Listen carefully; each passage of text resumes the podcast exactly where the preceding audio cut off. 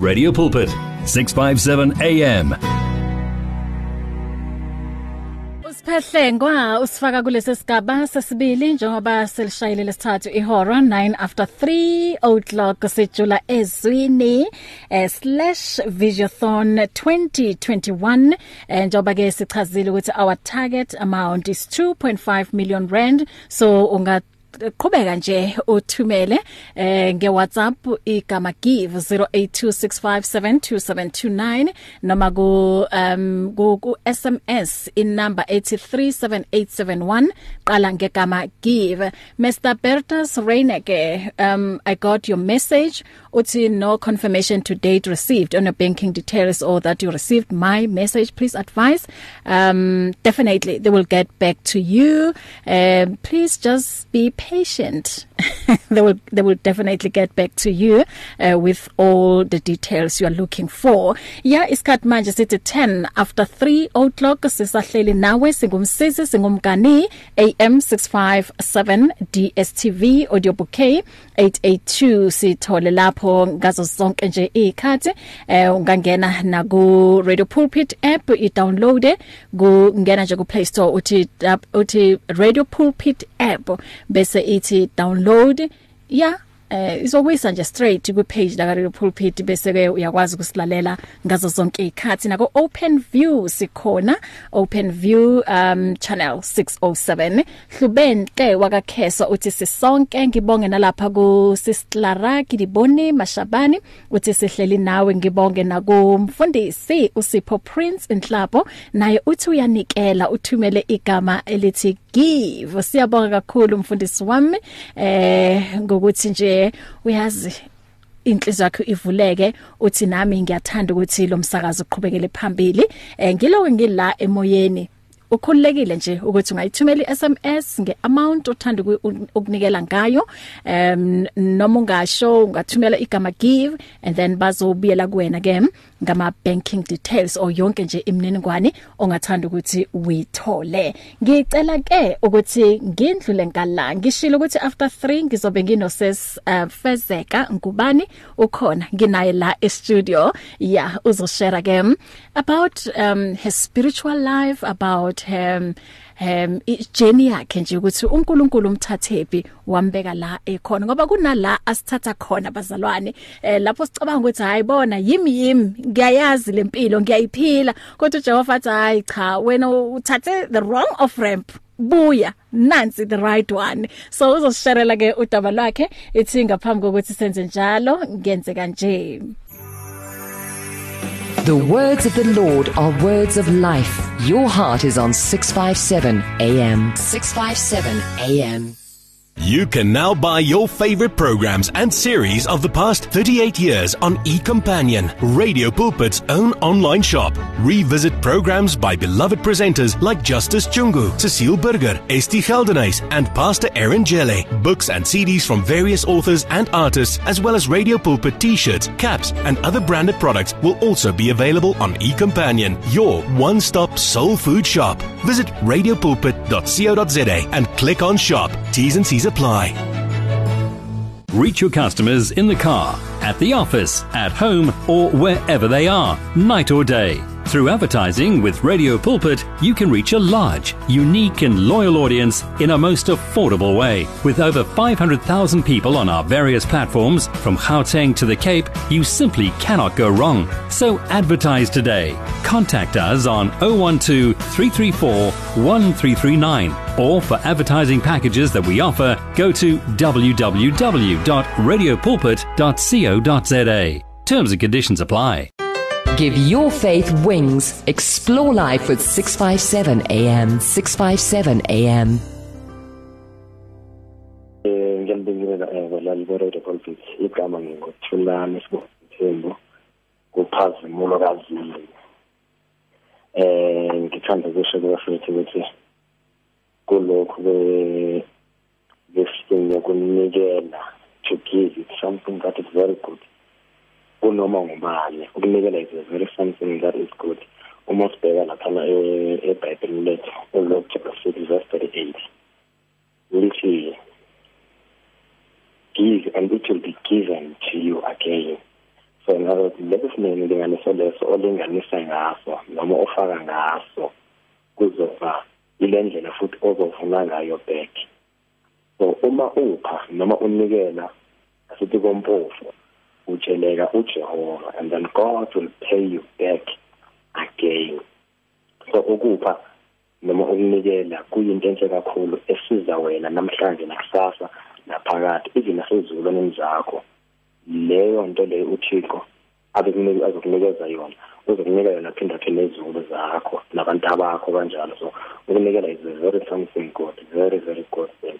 So singasho nje ukuthi ke so wonke umuntu makanikele kulo msebenzi kaThixo ukuze ivangeli lihambe amen. Amen sibonge kuphazimulo. Kazimu ngaloyo myalezo begqugquzela nje wonke umngani wethu wonke umsizi wethu ukuthi asinikele bazalwane yebo mhlawumbe ungabona ukuthi hayi ngiyathatha ngathi ngizoshoda kanti hilapho ke uthola ukuthi manje ngokunganikeli uzoshoda kakhulu.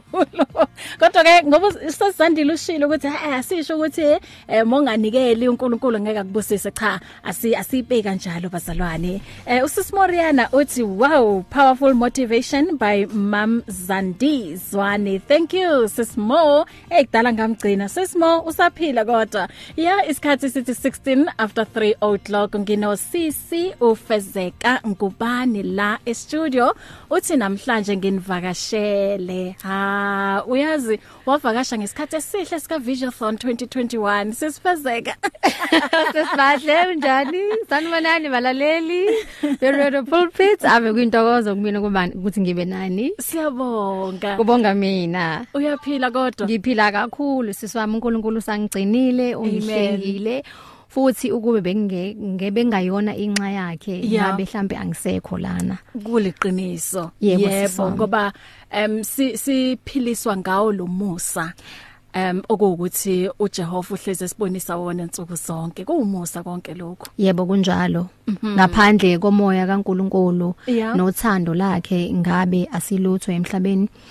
Ezwini lakhe uyakhuluma ngothando ukuthi ungaba nako konke. mm Kodwa futhi mengabe ungenalo uthando kufana ukuthi kuyizeleze. yeah So uNkulunkulu umuntu othando. Ngaso Yeah. sonke isikhathi ifane sibonise uthando. And izwi lithi futhi noma ngabe kuthiwa ukwate kangakanani. Aha. Kodwa ungena embedeni sathukuthele. hallelujah. Eyami ke ijeni naloko ukuthi uma umuntu asemhlabeni uyakuthatha uthi inkosi konke ngikunika kuwena. Yeah. Yes. Amen. And i mean again. Mm ngicela babingelele lapha emakhaya. Eh sizoqhubeka nje ngengxoxo yethu. Ngiyazi ukuthi ke usiphathele o- okuningi namuhla. Kakhulu. Ehe. Ngiyanibingelela abalaleli be Radio Pulpit. Igama lami ngingufezeka wakangubane kuyintokozo kakhulu kumina ukuthi ngibe nani streaming live la ku Radio Pulpit ama stations wakhona. Eh abantu abaningi yo bangazi ngendlela eziningi bangazi ngofezi the stylist Fezi Fezi the organizer. Um Fezi the counselor in the HIV focals mangithi the Fezi Fezi the counselor in the HIV focals ngikhuluma ukuthi I can diagnose. I've, I've studied and learned ukuthi kena ama focals a HIV yini? Your tuberculosis your pneumonia uh skin problems. And I'm also an HIV activist. Mangabe ngithi ngi HIV activist okusho ukuthi angikufihlile ukuthi ngi HIV positive ngiphila nayo HIV and sengino sengineminyaka ewu9 ngiphila ne HIV eh ngayi contact i HIV around this time of 2012 um I'm here to share my journey with you to encourage you also to give um warnings and teachings from my my studies ukuthi njengesizwe fanele senze njani njengomama nabo baba ukuthi yipi indlela eright efane kwenziwe ngayo. Yeah. nginithanda kakhulu ngiyabonga ukuthi ningivumele ukuthi ngibe la namhlanje. Mm. And ngempela ku u- uthando lolo eh because abanye abantu bazoyigodla le information abanayo Eh, ikakhulukazi uma kuza eh kulolu daba lwe HIV lapho umuntu e HIV positive khona ngoba usaba ukuthi abantu bazoqala bakhulume ngaye. I criticism yes uya leso stigma u- uya understand Mhm. so abantu abafana nani okuwukuthi uthe cha ithi ngikhulume lento ngikwazi ukuthi ngibasiza abanye abantu ngoba ngilihambile lolu hambo and ngiyazi ukuthi ikuphi oku right ikuphi oku wrong. So sibonga kakhulu um sesifezile sesifezeka ukuthi ube nathi. So asiqaleleke uzalwa kuphi? Ngokuzala ngazalelwa eMaritzburg kodwa ngwasemsinga aha. eh uma no baba unfortunately bahlukana so I also come from a broken rela a, a broken family um yes and then I oh ngaqala ukusebenza ngimncane and then I went on and did my own studies because you know life I think was just um for me life was was a competition to myself mm. ukuthi you know I needed to get things done and I couldn't just sit around and and and and and and, and, and wait for someone to do things for me mm. Such that ukuthi at the age of 23 I got married. Unfortunately the marriage lasted for a year. Uh and ngiyachaza ithanda ukugcizelela ukuthi ke I come from a broken family. So you know when you come from a broken family kunezinto okwazi ukuzibekezelela kunezinto ongakwazi ukuzibekezelela. So for me izinto ezazenzeka khona it meant ukuthi fezeka go out and do things for yourself. And that's where I discovered my styling. I started traveling the world. Hence ngithi abantu abaningi bangazi njengofezi oy stylist and yes um lately um though kudala ngaba i- nga- ngakudala ngaba qualified ukuba i counselor but because i HIV besikhuluma nami uqobo kwacaca ukuthi fanele ngiwenze umsebenzi ukuba i activist ngiqala ukwenza ngomhla ngo 2016 mangibona abantu besifazane behlukumezekile behlukumezwa ngama side effects e medication and eh, anginakuthula ayikho indlela yokuthi ngingahlala ngifihle information noma ngiyigodle. Also futhi i am a survivor of discordant couples. Mangithi I'm a survivor of discordant couples that means ukuthi oyedwa uye test positive oyedwa uye test negative. Ngicabanga ukuthi umphakathi igama leli lithi discordant mhlawumbe abalazi kodwa bangalazi mhlawumbe ngokuthi ama careers ama careers labantu aba passive labantu aba- ab- abathi mebelala nawe igciwane balidlulisele kuwena. So I'm also here to teach you and to train you as well with my knowledge and education according according to the book ukuthi what is the right thing to do. Mhm mhm yeah. So wena so na 9 years yes. wazi ukuthi uphila naleli gciwane Yes. and uku medication. Yes I am on medication. I've changed mm -hmm. my medication 3 times due to ama side effects of medication. Yeah. And uh, yes ama side effects akhona. Ngicabanga ukuthi niyakhumbula mangabe iqala i treatment kakhona into ekuthiwa ama hashbacks mm -hmm. which was uthola ukuthi umuntu uyakhuluphala ngenhla ngezantsi Yeah. ubamncane aha so part of my my my my my, my activist my being being part of me as an activist is to bring awareness ukuthi ama side effects akhona fanele siwa siwa expect eh? and unfortunately awukwazi ukuthi mengabe uHIV positive uphile uthi ngeke ngize ngiyithathe i medication unfortunately akwenzeki lokho because kufanele ukuthi uyivikele wena kufanele uvikele nomunye umuntu oseceleni. Futhi ngicabanga ukuthi nje uma umama nobaba Yeah, hayi, yeah. angiboni ukuthi ngathi choice ikhona ukuthi medication angeke uzizithathe yeah yeah. Ngikhuluma kahle because look I've dropped out on medication and ngenhlanhla because ngilomuntu oyikhulumelayo othanda ukuphila impilo efree. Mina for me life ikanje it's either you s- accept me for who I am and support me for for what I do and what I love and if you don't for me kumina awuhlukile njengomuntu oyingcindezi. Cansi nasezweni uNkulunkulu uthi fanele siphile njengabantu abane spirit esifree. Mhm. You know uNkulunkulu akakuthanda ukwada akakuthanda ukuthukuthela so ngilowo muntu loyo. And ngiyathanda ukuthi abalaleli bakwazi lokho ukuthi HIV is an is a lifestyle. You know kwi clause ya HIV ke kuthiwa eh what do you do um once you've tested HIV positive? Mm. encwadini bebethi you live the same way. Yes mm. you do but iqiniso ukuthi unfortunately life changes. You know remember ukuthi now it's either you have to take your medication whether we thatha ngo 8 o'clock now you have to have this daily alarm in your life. Mm. whether we thatha ngo 9 o'clock you're going to react and have ama side effects and then or part of the clause as well says it who is the first person you're going to disclose to? Mm. it's because you cannot live with HIV wedwa and say kuzoba imfihlo yami ngedwa. So mina i was like you know what? I'm not going to hide this. Ngizophuma ngicace kubantu ukuthi ngina HIV and ngiphila nayo ama side effects ngibe nawo mm.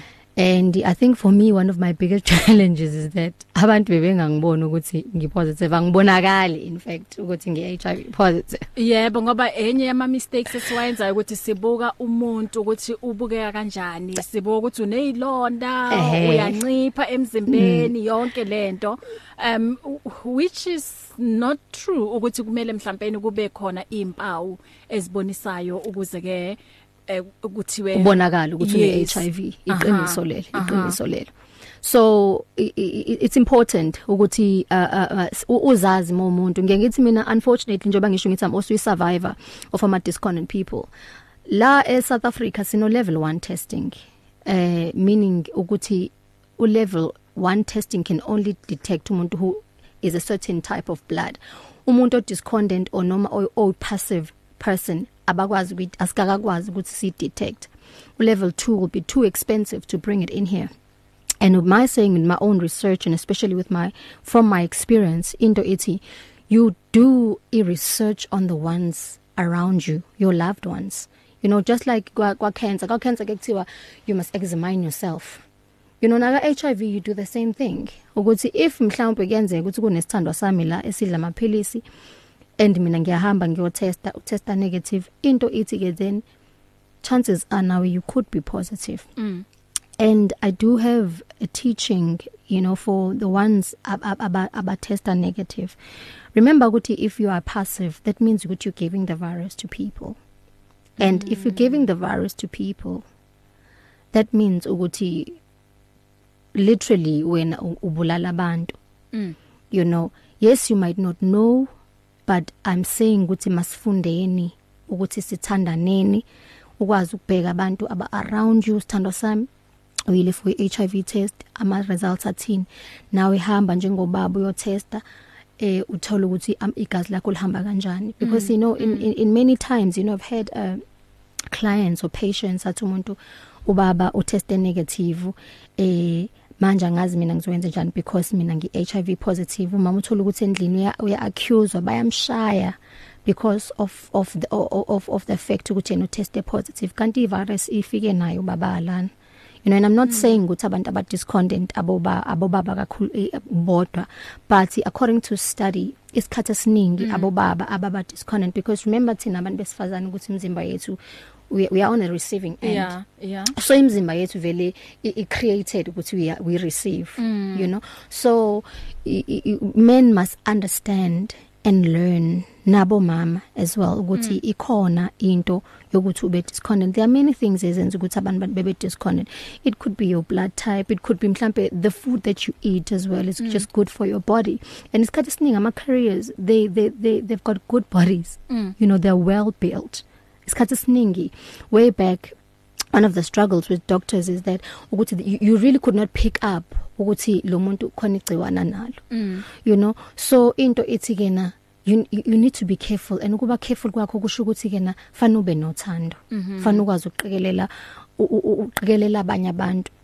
And then also another thing um mangabe uthola igciwana igciwana liveli same time.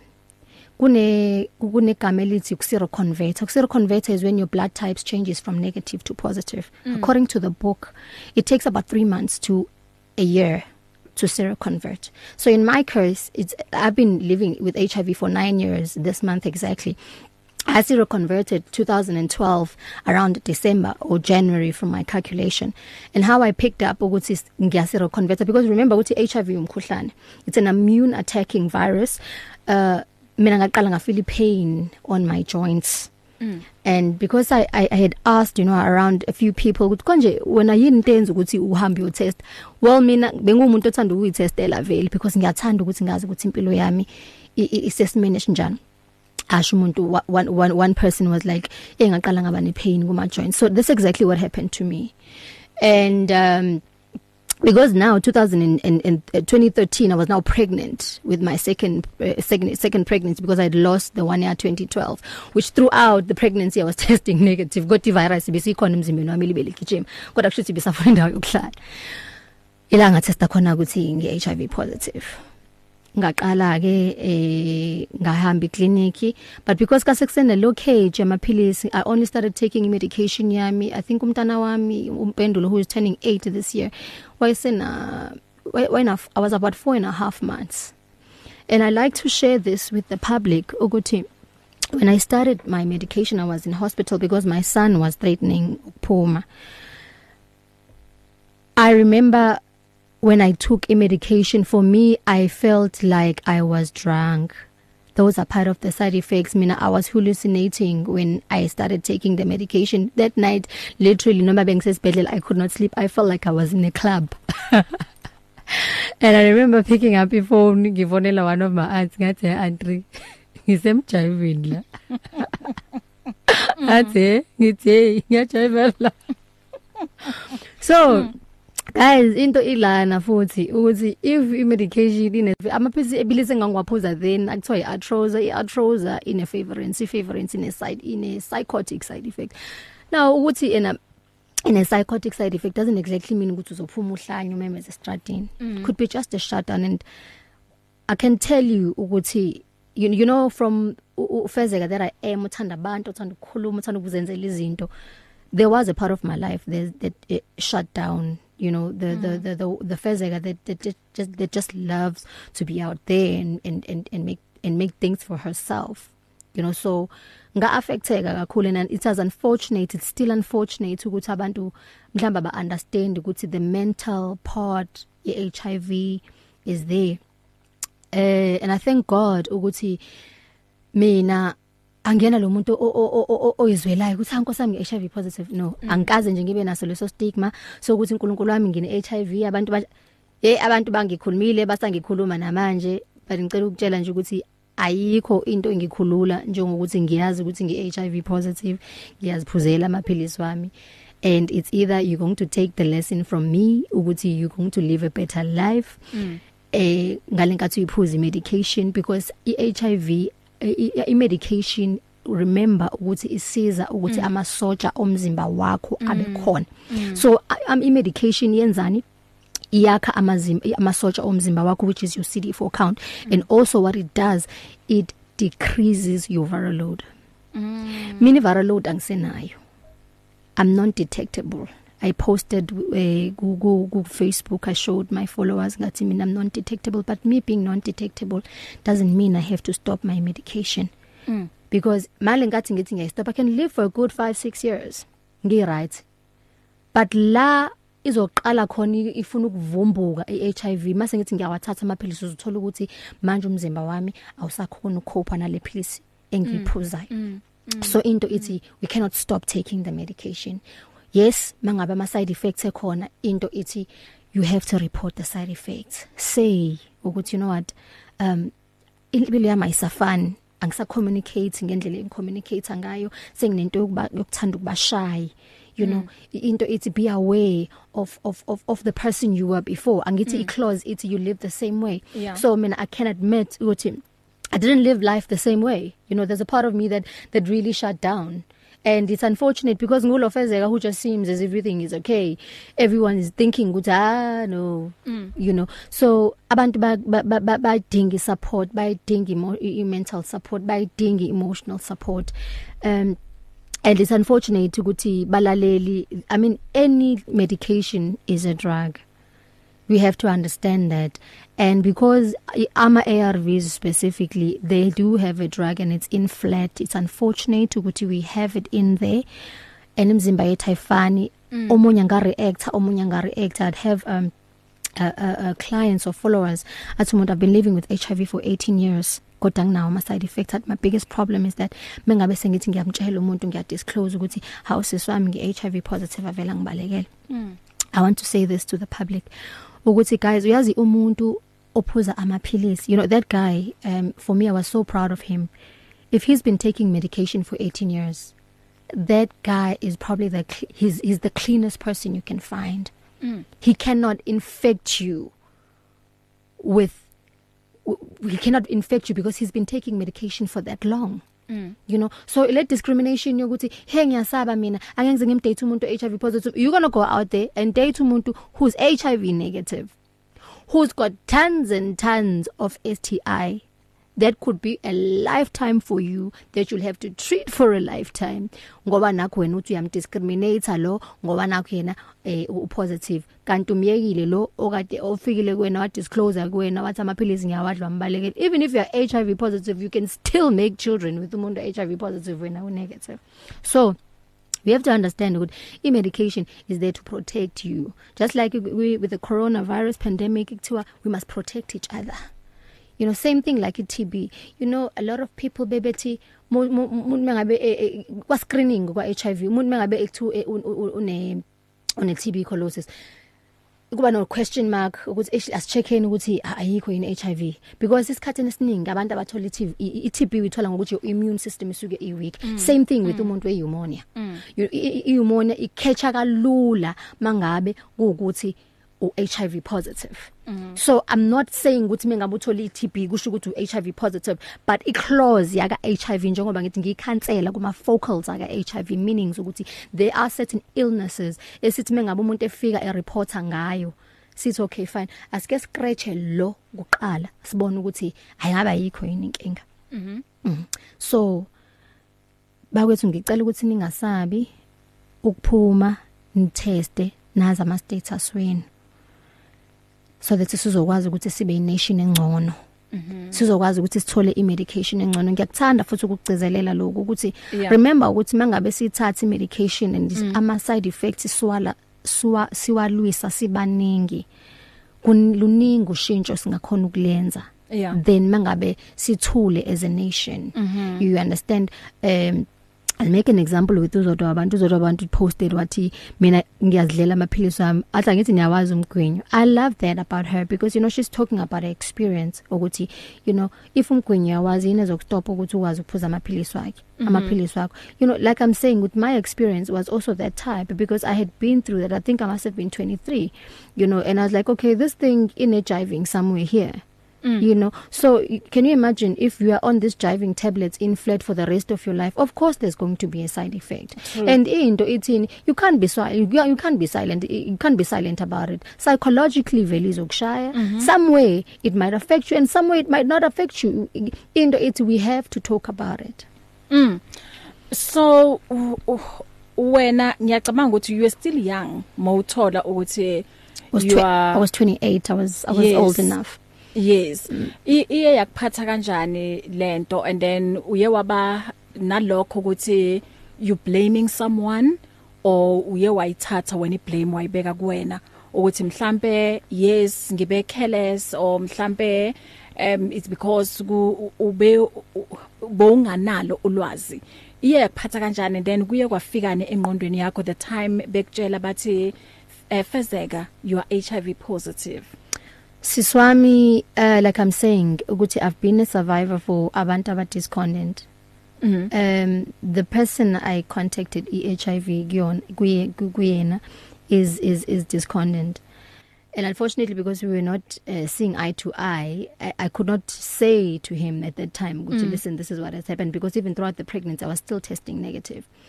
And then when I met someone else um the father of my current two children now akuzange kungiphathe kabi siswami because mina I got the support I needed.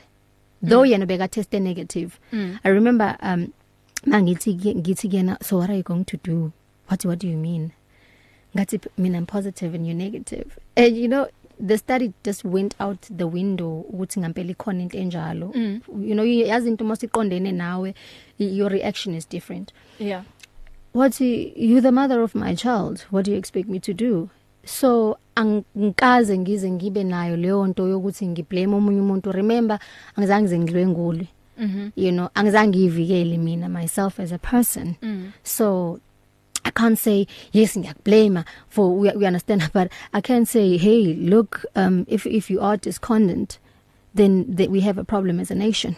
You know sineyingane we've got girls you know mm. I'm um, I'm a mother. You know. So into ithi if we do have abantu aba discordant kanjalo then into ithi bhuti noma sisi you have to take your medication. Mm -hmm. you know so part of my awareness is that ukuthi asikwazi ukuthula. Because then another thing I also want to go back to to to churches. Ukuthi it, it's a serious battle. Can you imagine if ngampela umuntu uyatesta la u discordant uyahamba unahambisa ingane yakhe na 21 nangu pastor uyafika uzoyicela ayilobole enze yonke into kanti upastor ngampela upositive. Uyabona ukuthi it's something esingakwazi ukuthula kuyona futhi for me i think uNkulunkulu bekhuluma nami directly ukuthi fezeka this is your calling mm. because how is it ukuthi two men in my life then are discordant and and and but you, you know I I I I I had I, I had to live an encounter with them uNkulunkulu was saying something to me ukuthi mm. you know what kuzoba ijoko lakho leli and I want you to go out there and teach people and motivate people. So bengekho indlela yokumina ukuthi bengingathula. So you know yeah. for the longest time I had to question and and and and and and, and ask myself ukuthi uNkulunkulu uthini? Ngacaca ukuthi okay uNkulunkulu ukhuluma nami lana. Mm. anginakuthi mm. ngizothula. I have one of my clients ithembisa. Wathi sisifezi I just saw postile eh, ku Facebook ngine challenge la. Umuntu ami uteste positive mina negative you know I, I i i gave her the information that she needed. Ngathi ngenzeka ngambuza private things like did you guys use a condom? What no we've, we've slept without a condom about 3 to 4 times. And fortunately for her bamniki prep. I prep is is also an HIV is is also um what is this? The ARVs that they give you whether urapiwe uh, so that you don't seroconvert. Mm. you know so sometimes ngenzeka ukuthi ube nenhlanhla uthola ukuthi igciwane awulicontactanga so answering your question siswam no i've never felt like ngiblame omunye umuntu no Wow. Okay, um isikhathi 20 before uh, 4 o'clock um what a powerful testimony fezeka. Um ngathi nje singabantu singaba nayo leyo nto ukuthi sikhuleke nje eh sikhulume uma kwenze ukuthi uyayithola ekutheni unalo leli gciwane ukuze nabanye nje bazokwazi ukuthi ke bakhuleke uma em benawe. Ngoba angisiboni mina isidingo sokuthi ufihle. Ngoba uma ufihla kusho ukuthi uzoba nenkinga futhi ukuthi uyemthola impilo and then uthathe ama ama, ama pills wakho. Kusho ukuthi ngaso sonke isikhathi wena uzoloku uyifihla until when? So it's about time ukuthi singabantu sikhuleke and then sithathe nje ukuthi mawuphethe flu uya ekhemist ufuna mm, medication mm, bakunikeze uphuze bese ke uba right. Ngicela ukuthatha ikhefu uma sibuya ngala eh, ngizovulela incingo mhlawumbe lapha emakhaya bangathanda ukuthi bakhulume nawe noma banemibuzo. Um, yeah uma sibuya ungaqala ke washaya ku 0123341322 noma ungathumela i-comment noma umbuzo wakho nange voice note ku 0826572729 noma ke utext uthumele ku 37871 emveni nje kwalokho You can now buy your favorite programs and series of the past 38 years as well as books, CDs and more on eCompanion, Radio Pulpit's own online shop. Visit radiopulpit.co.za and click on shop. Reach your customers in the car, at the office, at home, or wherever they are, night or day. Through advertising with Radio Pulpit, you can reach a large, unique, and loyal audience in a most affordable way. With over 500,000 people on our various platforms, from Gauteng to the Cape, you simply cannot go wrong. So advertise today. Contact us on 012 334 1339 or for advertising packages that we offer, go to www.radiopulpit.co.za. Terms and conditions apply. There is radio and radio, and then there's 657 AM. Can you hear the difference? Sikhuluma la nosesifezeka ngubani oyi HIV activist kodwa ke sesekuyona futhi nenkonzo yomnikelo bazalwane so ngaqhubeka nje wathumela iSMS yakho qale ngegama give ku 37871 noma WhatsApp ku 0826572729 uqale ngalo igama give sithi let us keep pushing fearlessly forward until we have reached the target amount eh ka 2.5 million rand. Eh ngibonge la ku um sesintiri seng mashilwane uthi give 300 rand. Thank you thank you so much. Eh kune number la ephelela ngo 8682 uthi give 500 rand. Siyabonga kakhulu ngibonge nalapha ku eh mem mashinini eval. Uthi malihambe evangeli uthi yena unikela ngo 100 rand. God bless you mama. Um omunye la okay kune comment lana. Uh, it's there were AIDS in the Bible times. They knew AIDS is a rare type of cancer. The gold that God rusted that will be uh, evidence. Life is gold and the truth. The gospel sets you free. The truth sets you free from the problem. The truth of the problem or smoking causes cancer. So maybe smoking is the cause of AIDS or drugs. Causes AIDS or drugs changes. Your DNA or AIDS cha changes your DNA but the word uh, cures from cancer uh, uthi just believe in the word thank you Mr Steven van Jaar Jaarsveld thank you um ngaleyo comment. Um sisifezeka yes yes siswami sisibahle oh what can you say ngale comment ka Mr Steven van Jaarsveld uh i like this. I'm i'm i'm also reading the comments. There's also um a one from Pastor Makam. I'll respond to it. Uh ubutma ubut ubut Steven Lana uthi drugs can change the DNA um wow. This is amazing. Uh I, I think I'm not sure if I mentioned ukuthi kuyenzeka ukuthi abantu abaphuza imbiza no I did not mention it. You can speak yeah. English because um I think she he's It's a white guy. Yeah. Okay Stephen um uh I love your I, I love your comment. Um you you are probably right with what you are saying that you know drugs can can change the DNA you know I've had clients that uh, use traditional stuff um that drink them and sometimes they would discount so it is a possibility that some types of intakes um can read a different DNA to our bodies. For instance um I I I I I like to share this. The the the father of my children was a drug user and and he he was discordant it is possible there's a great possibility that his drug using was discording him. So yes it is true responding to that uh, Mr Steven van Jensveld um it is possible. Yes I'm responding. It's possible it can change the DNA mhm but because it changes the DNA um it doesn't necessarily if if if it is viral if it changes the DNA and it, and and the, and the intake of whatever that you are taking is viral it's only viral meaning it it it it it it, it, it suppresses the virus but then it's still not good enough if it can still pass it on to somebody. So that means we have a two there. If you're a drug user then it means you still take your medication. Mhm yes. So i'm responding there. Okay.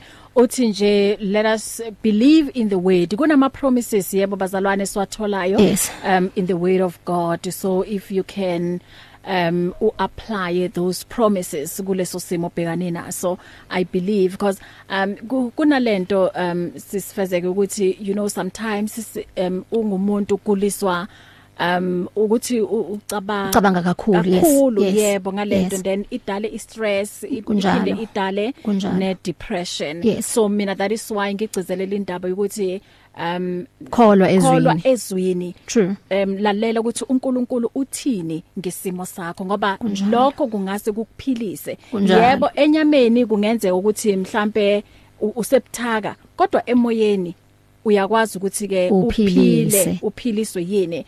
Um ama promises esiwathola in the word Kunjalo. um um Mamorin thank you so much. Uthi give um 100 rand? 0123341322 zivuliwe incingo uma ke uthanda ukukhuluma nosisifezeka mhlambe kunenkinga ubunayo um regarding iHIV kukhona izinto ongakayi understand or mhlambe ku medication and uh, u- u- ukuphatha kabi uyabona nje izinto ezinjalo.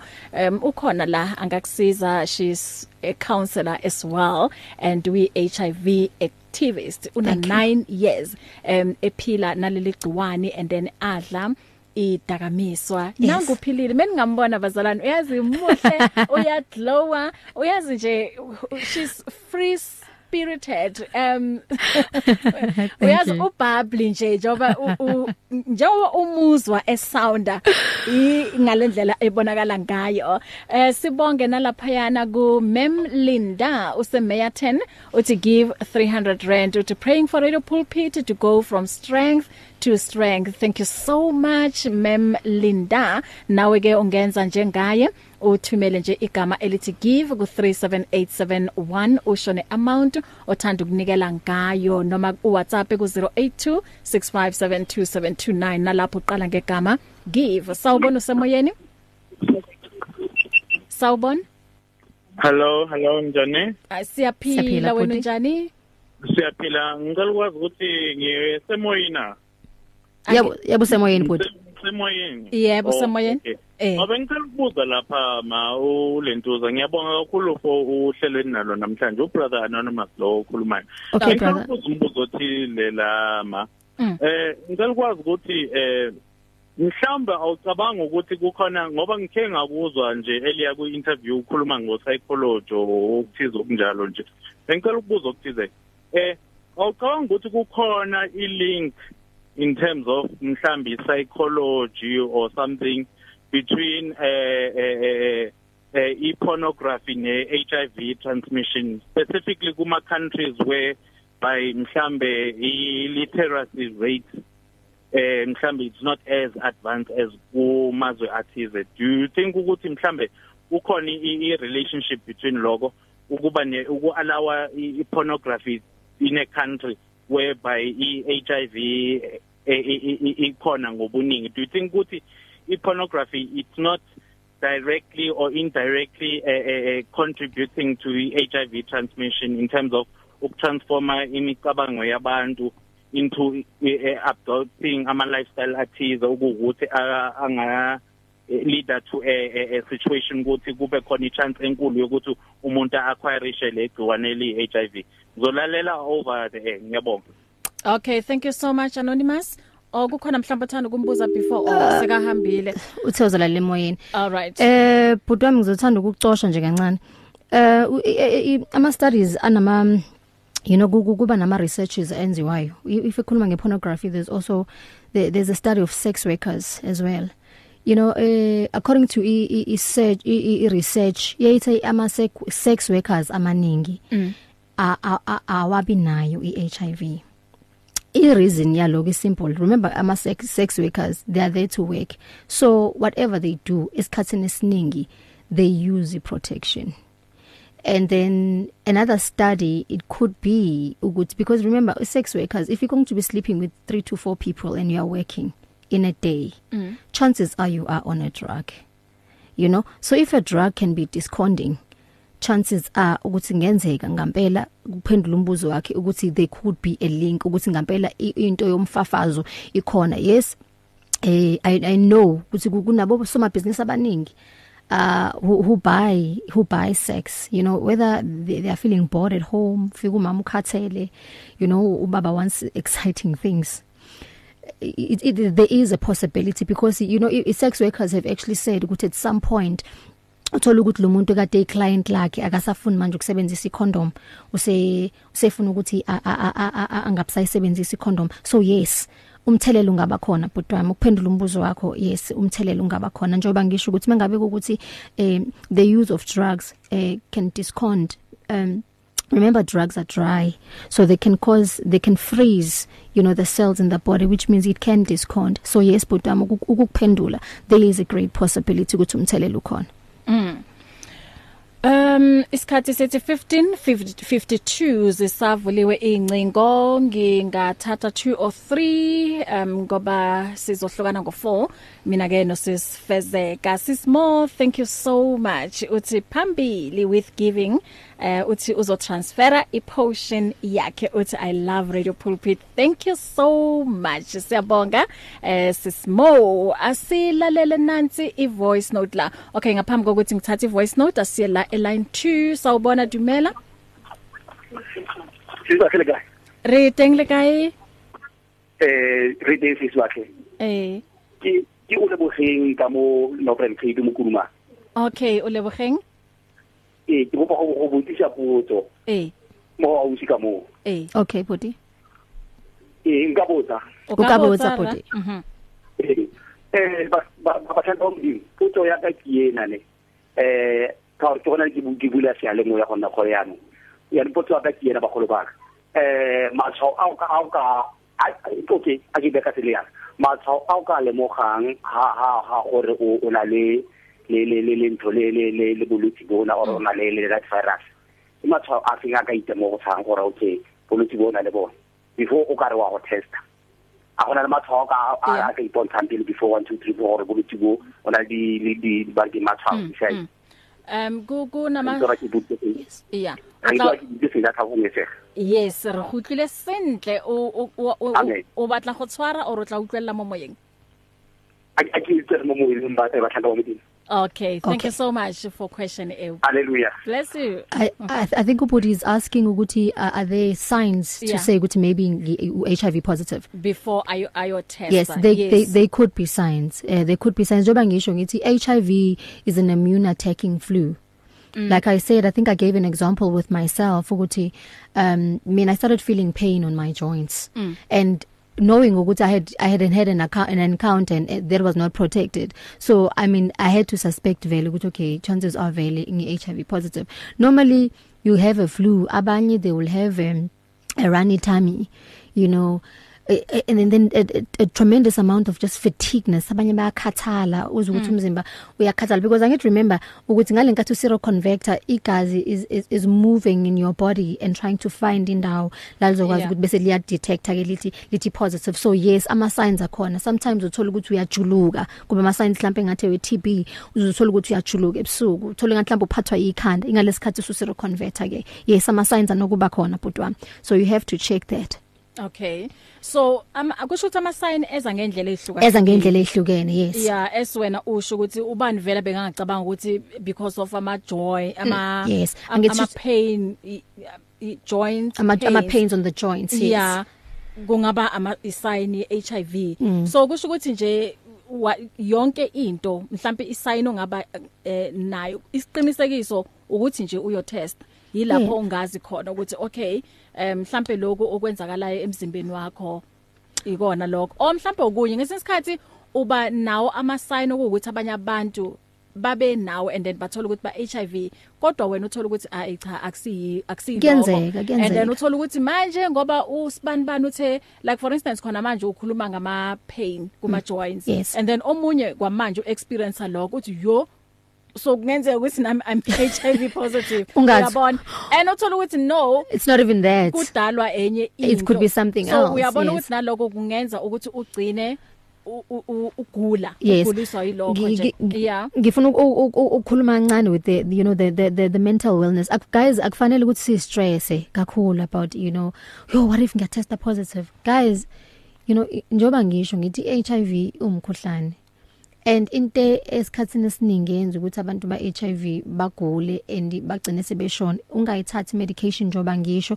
Nokuphila around ke abantu abasuke bengekho supportive. Uyaba mm. you know what? iHIV njoba ngisho ukuthi it's a lifestyle. Remember i- i- HIV is sexual. Ukuthi Yeah. some- kusho ukuthi i- i- into esikuyenziwe ngothando i'd like to believe that. Mm. so iHIV ifuna lokho. For you to live better and a free life njengespiritu sikaNkuluNkulu into ithi hlala nabantu aba aba understandayo ukuthi you are HIV positive mm. abazokusupporta emotionally and then of course you can live a better life Amen. Yes. Amen. 1557 usesekhona eh abuthi mo lebogeng ke a tshepa gore ke o o lebogeng eh morapedi lo be ka buza la i question. Thank you so much. Eh ka kokurumane ka mo mamso uthi hey ngilalele but we biza fast number. Mamso. okay mamso ithi ke ngibe slow. Okay u SMS ane mo SMS angithi uzothola ibox lakho li empty mamzo. bese ke uqala ngokubhala give Mawuqeda ukubhala give bese uyasho iamount othanda ukunikela ngayo uzothi give ithi ngenza umzekelo maybe uthi 500 rand uzothi give bese uthi 500 rand bese uya lapha ku send uthi nje send. Eh izo izobuza ke ukuthi usendela kuphi.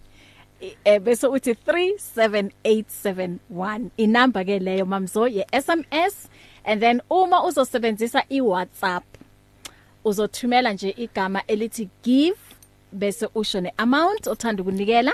Eh uthumele ku 082 657 2729 inamba ke leyo ye WhatsApp noma i Telegram 0826572729 uqale ngegama give. Ku SMS uzothumela ku 37871 nalapho uqala ngegama elithi give. Asilalele nansi ivoice note sisifezeka. Okay. Esiyabonga nkosazana ngibonga kakhulu yena umfundisi lo naye lapha e-studio lapho. Lo uphumele ebaleni ukuthi hayi abe kanjena namhla sekanjena. Ukhuthaza wonke umuntu sonke uyasikhuthaza ukuthi sibovela ukuthi emtholampilo. Ngokuba eh thina bobaba emtholampilo siyabaleka sifuna kuyole ubaba uza agule ikakhulu khulu abefundisi. Umfundisi umbona ukuthi hayi lo mfundisi lona eh impilo ihambe kahle ma.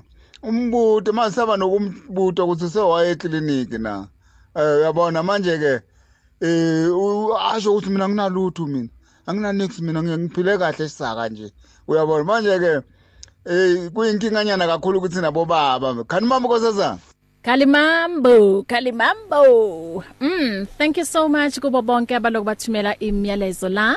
Eh bethi siyanikela. Eh uyawazi lo mhlabelelo fezeko njalo Jalo jalo jalo siyathandaza siyanikela. Thina njalo ngiyazi. Senza njalo namhlanje. hello yes.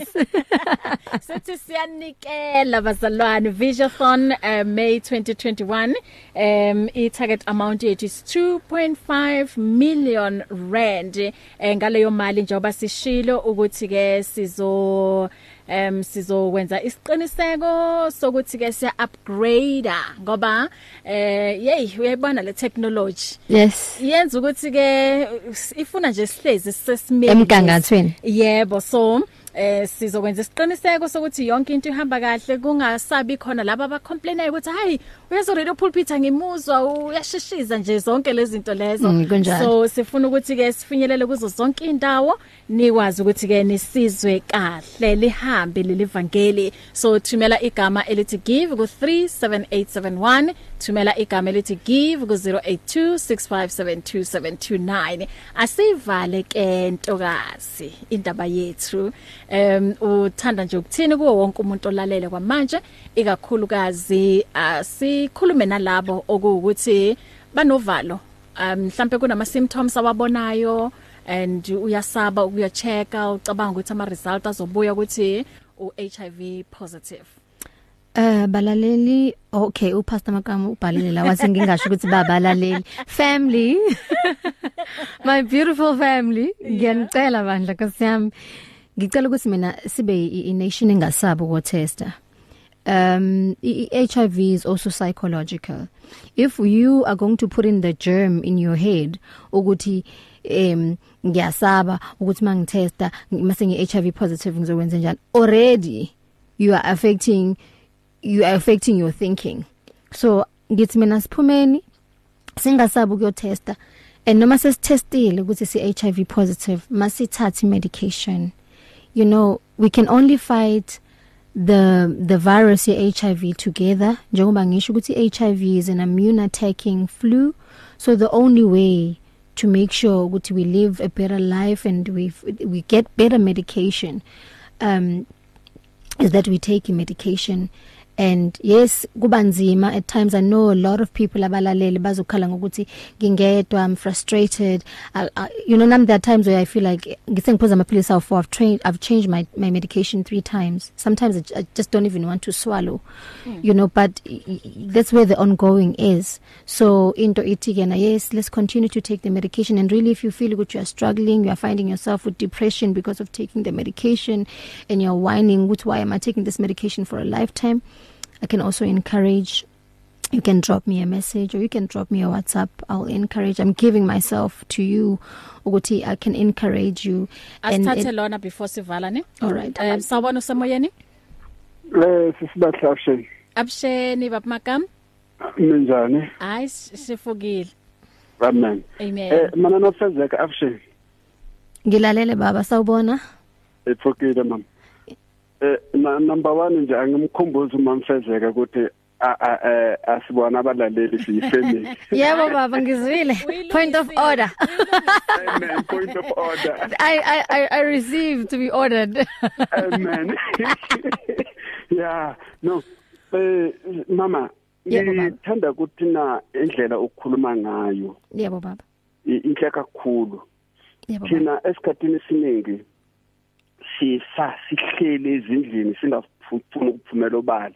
Ngokusaba ukuthi abantu bazothini. Yebo. Number 2 siphinde sistigmatize abantu abavelile. Mm. ungasondeli duze naye ngoba azi ukuthi you- understand into ifana naleyo. unjalo and uh, instead of showing love kulo muntu lo lapho ngoba ezi usho ukuthi umkhuhlane ufana ne- nenye into nje ekhona. You understand? A- a- a- asithathi ngale ndlela le lapho sivela nje. U- u- uma umuntu a- a- sizwa ukuthi unale into lela sivela sibone death sentence. Si si yithi futhi siyibeka le death sentence le lapho ukuthi ayise ufile lo muntu. Mm mm you understand? Mm. so siyabonga kakhulu uku- ukusikhuthaza and eh, nokukhuthaza ukuthi abantu mabaye imtholampilo bayo bayohlola babone ukuthi kwenzakalani.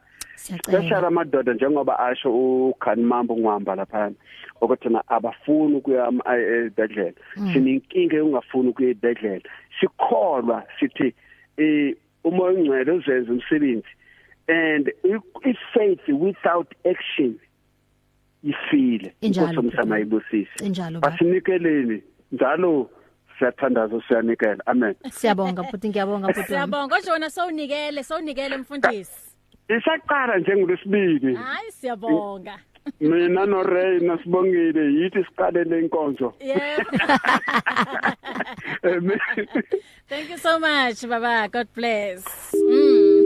okay inamba yakho ithini sesifezeka? Eh mndeni wami family yami point of order. Eh inamba ningangithola kuyona um 074 8040867 ngizoyiphinda futhi 074 8040867 ngiyazi kakhulukazi emtholampilo abantu abasuke besebenza emakliniki ngeke ngikunake kakhulu.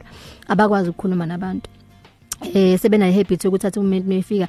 Asenithethile sentestile enye into ngicabanga ukuthi yenza ukuthi abantu bengathandi ukuthi ba bazo bazo testa kodwa bakwethu ngithi mangabe nikuhlangabezana nenkinga ngikhona I'm available. Asiyenzeni lento enzeka I'm here to motivate amen. You. eh ngicela ungiphindele inamba? 074 8040867 okay.